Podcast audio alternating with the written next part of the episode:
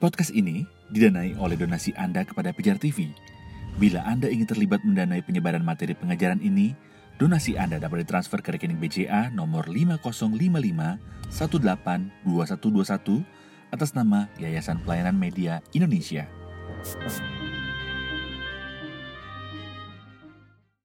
Uh, begini, saya pernah membaca sebuah buku. Di situ ditulis antara teks Taurat Samaria dengan teks Tauratnya Yahudi Kristen ternyata banyak juga tuh perbedaannya, pertentangannya. Ya jadi meskipun Taurat itu asalnya satu, tetapi dengan perkembangan itu ternyata banyak perbedaan. Malah dalam tulisan itu itu berani mengklaim bahwa perbedaannya itu ada ribuan kata. Gimana tuh, Bah? Ya. Penjelasannya. Saya kira itu di Wikipedia aja ada itu di Wikipedia tentang Taurat Samaria. Saya pernah membaca juga. Tapi sebetulnya yang kalau nggak salah ya di wiki itu diterus demikian. Ada sekitar 6.000 ragam bacaan yang berbeda antara Taurat Samaria dengan Taurat Yahudi Kristen. Di antara 6.000 itu lebih banyak sebetulnya mengacu pada dialek ya. Sementara yang 2.000 itu memang nyata-nyata berbeda. Yang pertama yang dikatakan ada sekitar ribuan teks itu itu sebetulnya cara mengeja. Itu contoh ya. Misalnya ini ada tentang Menara Babel misalnya. Itulah sebabnya sampai sekarang nama kota itu disebut Babel. Karena di situlah dikacau balaukan Tuhan bahasa seluruh bumi dan dari situlah mereka diserahkan Tuhan ke mana-mana. Dari teks satu ayat ini saja, kalau dihitung sebetulnya ada beberapa teks yang dibaca berbeda. Kayak tadi itu loh, VH aret, Wits aret, misalnya. Alhen harasmah Babel. Itu dalam bacaan Masoretik. Alhen harasmah Babel. Itu huruf bet tanpa titik tengah. Dibaca Babel seperti Abraham. Lah antara bacaan Tiberias dengan Yerusalem aja beda kok. Rabi-rabi Tiberias kan membacanya dengan huruf V, Abraham. Tapi yang lain membaca Abraham, ya. Misalnya kita membaca Mazmur itu perbedaan di kalangan dialek Yahudi yang Askenazim maupun Sephardim. Belum lagi yang Misrahin yang di timur itu. Ada tiga ragam bacaan yang berbeda. Elohim dibaca Elohim. Ya, Misalnya lagi misalnya Mazmur 110 itu. Itu kan kalau kita konsisten membaca dengan karena tanpa tanda baca kan. Neum Hashem Ladunai sebetulnya. Tapi bisa dibaca juga laduni. Artinya sama. Kalau yang dimaksudkan itu ragam, bacaan semacam itu ya 6000 pasti ada. Iya toh? Tetapi kalau yang dibaca itu misalnya dalam konteks ada ayat-ayat lain yang di ayat Samaria ada tapi Torat Yahudi Kristen tidak ada. Ada misalnya. Satu ayat tentang monogami. Itu malah ada di Torat Samaria. Jadi Torat Yahudi Kristen tidak ada. Tapi ada ayat monogami, Yesus pun mengajarkan monogami. Apa dapat dikatakan, oh Yesus ikut Taurat Samaria? Belum tentu juga. Karena Taurat itu kan proses penulisan yang panjang sekali. Dan saya kira ribuan tahun dengan varian teks semacam itu menurut saya dari kacamata ilmu pengetahuan bahasa secara sekuler itu bisa diterima lah. Anda bisa membaca misalnya naskah negara Kertagama dari Leiden itu kok agak beda ya dengan naskah negara Kertagama dari Karangasem misalnya.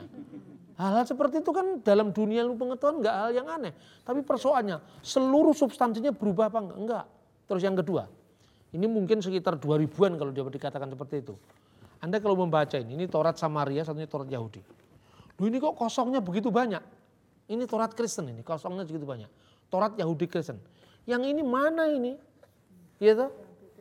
Titik-titik ini kan nggak ada ini. Ini Taurat Kristen Yahudi, ini Taurat Samaria kok bisa full Taurat Samaria. Jangan kesusu mengatakan itu tambahan yang bukan kitab suci.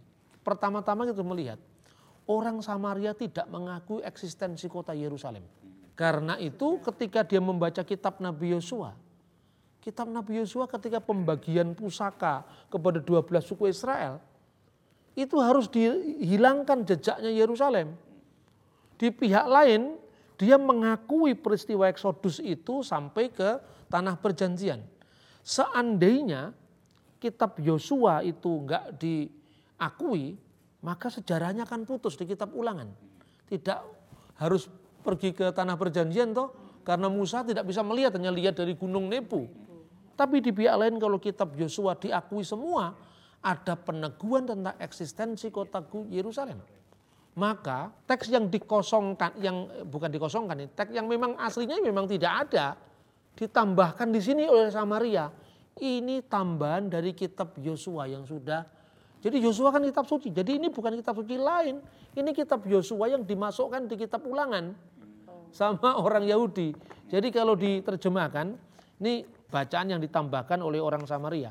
Itu antara lain dari Yosua 8 ayat 30 sampai 35. Dan teks ini penting bagi orang Samaria. Bunyinya gini.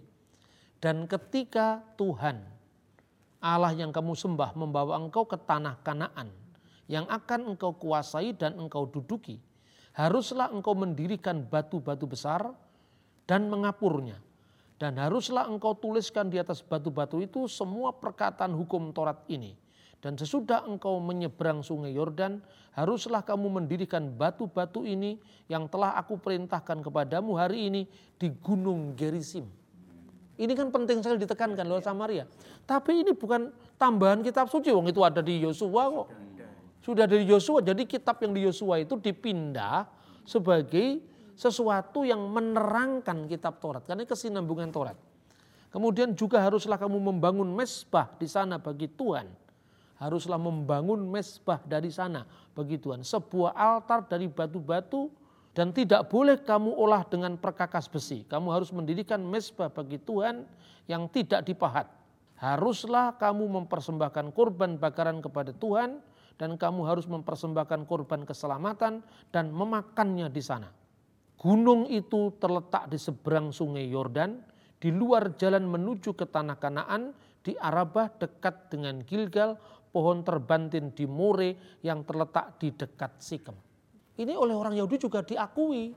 Karena apa bagi orang Yahudi? Bait Allah itu dulu atau kemah perjanjian itu kan tidak langsung ke Yerusalem. Karena apa? Karena itu baru dibangun pada zaman Raja Daud. Tetapi makanya dulu Nabi Musa itu kan di padang belantara dia merayakan Paskah dan sebagainya. Dan itu ada step by step jalan ke sana. Tetapi orang Yahudi ini menarik kita diskusikan. Orang Yahudi juga mengesahkan kota Yerusalem karena apa? Abraham bapak orang beriman itu diberkati Melkisedek di kota Salem.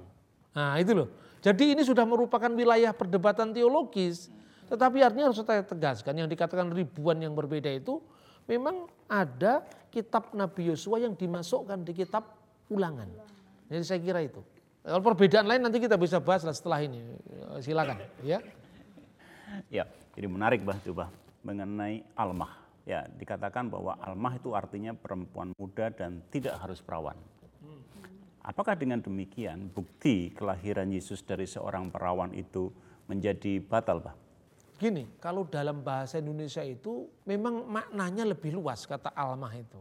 Tetapi kalau kita lihat sebetulnya di teks-teks lain artinya juga bisa gadis. Misalnya di Kidung Agung pasal 6 ayat 8. Itu digunakan kata jamak alamot. Itu dari kata almah yang artinya anak-anak darah. Kemudian misalnya di Amsal 30 ayat 19. Kata almah juga diartikan seorang gadis. Tetapi memang kata almah kandungannya lebih luas daripada perawan gitu. Nah, kalau apakah doktrin atau ajaran atau fakta ajaran tentang virginitas Maria itu menjadi salah? Oh tidak, jangan dulu begitu. Septuaginta itu yang terjemahkan siapa coba? Septuaginta itu kan muncul 300 tahun sebelum Yesus lahir ke dunia. Berarti orang Yahudi sendiri, berarti masalahnya ini orang Yahudi yang bermasalah dengan Septuaginta. So, Septuaginta itu abad ketiga sebelum Masehi sudah ada di sana dan diakui sekarang orang Yahudi tidak mau mengaku itu. Tapi dalam eksplorasi naskah-naskah kuno, kita mengakui yang namanya Targum Onkelos, Targum Yonatan, Targum Neofiti, Targum Yerusalmi. Kita mengakui semua dan orang Yahudi juga mengakui itu. Gitu loh. Jadi ketika kita hanya mengandalkan dialog berdasarkan naskah-naskah Yahudi modern apalagi abad pertengahan semacam ini saya kira nggak cukup. Kita harus melihat pada basicnya sejarah sebelum kekristenan juga saya kira itu. Jadi kata Partenos tadi dari Septuaginta. Partenos itu artinya memang perawan, nggak punya pengertian lain gitu. Ada lagi? Silakan. Gini Bah, ini saya ada pertanyaan ini dari saya. Eh, apakah benar perbedaan teks antara Taurat Samaria dengan Taurat Yahudi Kristen ya dalam kejadian 22 ayat 2. Ini saya sudah menemukan ayatnya. Saya boleh bacakan ya Pak ya? Setelah semuanya itu Allah mencoba Abraham, ia berfirman kepadanya, Abraham lalu sahutnya, "Ya Tuhan." Ya, ayat kedua. Firmannya, "Ambillah anakmu yang tunggal itu yang engkau kasihi, yaitu Ishak, pergilah ke tanah Moria dan persembahkanlah dia di sana sebagai korban bakaran pada salah satu gunung yang akan kukatakan kepadamu. Ini adalah ayat yang menjadi pertentangan ya. Dan dari bacaan Samaria ini menjadi salah satu pertentangan dengan orang-orang Yahudi soal kiblat ini Pak. Seperti tercemin dalam kisah perempuan Samaria yang ketika bertemu Yesus ya, yang ngobrol dengan Yesus itu di sumur Yakub. Ini menurut Abah bagaimana ini? Ya dalam hal seperti ini ya kita harus jujur juga. Memang ada perbedaan. Dan itu kita harus membaca kalau bagi perspektif Yahudi ya. Samaria itu sekte. Makanya Yesus itu berkata di dalam Injil Yohanes. Kami berdoa di tempat ini, di tempat di mana nenek moyang Anda berdoa. Di Yerusalem tempat nenek moyang Anda berdoa. Atau kami berdoa di tempat ini, di gunung ini. Maksudnya itu konteksnya kan di sumur Yakub itu di daerah Nablus, eh, Gerizim, Samaria itu. Yesus mengatakan, akan tiba saatnya wahai perempuan. Kamu tidak berdoa di gunung ini, di, di gunung ini maupun di Yerusalem. Tempat orang Yahudi berdoa. Allah itu roh. Maka setiap orang yang menyembah dia haruslah menyembah dalam roh dan kebenaran. Ini konteksnya itu perbedaan arah kiblat itu. Orang Yahudi itu kan kiblatnya kan ke Yerusalem. Dia mau dari mana pun arahnya kan Nabi Daniel misalnya dia berdoa sinagognya Orang Yahudi juga di seluruh dunia menghadapnya ke Yerusalem. Mirip dengan umat Islam. Semua harus menghadap ke Mekah. Itu orang Yahudi. Kemudian Yerusalem itu menjadi penting bagi orang Yahudi karena tempat itu direkonstruksi kembali karena Abraham bapak orang beriman itu diberkati Melkisedek yang disebut Raja Salem. Orang Samaria menolak eksistensi kota Yerusalem. Kaitannya apa? Karena mereka ditolak dalam pembangunan Bet Hamikdas di Yerusalem. Makanya Yerusalem itu letaknya di mana? Di tanah Muria. Maka dalam teks Yahudi Kristen ini jelas-jelas disebutkan termasuk Qumran disebutkan di sana ya. Wayomer dan berfirmanlah Tuhan. Eh, Khahna et binka et yehidha aser ahafta et yitsak. Ambillah anakmu yang tunggal yang kau kasih yaitu Iska. Wileh leka el aret ha Murya dan bawalah dia ke tanah Murya. Di dalam Taurat Samaria itu weleh leha el aret hamure. Jadi hurufnya di sini Murya dengan mure. Ha murya. Hamurya. Jadi he mim res yot he. He mim wau res he. Jadi perbedaan huruf yot ya satunya wow. Jadi kalau yot cuma titik begini, kalau wow ngelewer ke bawah begini. Itu bisa saja karena sengaja, ya karena memang orang dia sakit hati karena ditolak pembangunan bait Allah di Yerusalem tadi. Jadi ini kecenderungan sekte. Kayak orang saksi Yehova misalnya mengubah titik koma di Alkitab itu misalnya. Pada hari ini juga aku berkata kepadamu, koma, hari ini kamu akan bersama. You will be with me in paradise. You will be with me nanti di paradise-nya. Padahal tidak pernah ada bentuk kata-kata Yesus, sesungguhnya aku berkata kepadamu hari ini. Hari ini kan baru ngomong katanya.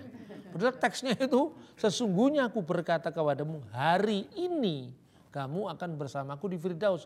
Karena orang saksi menganggap bahwa Firdaus masih belum diciptakan, itu kan mau diciptakan lagi setelah langit baru dan bumi baru maka komanya digeser itu Kecenderungan semacam itu. Tapi kemungkinan kedua memang terjadi salah salin.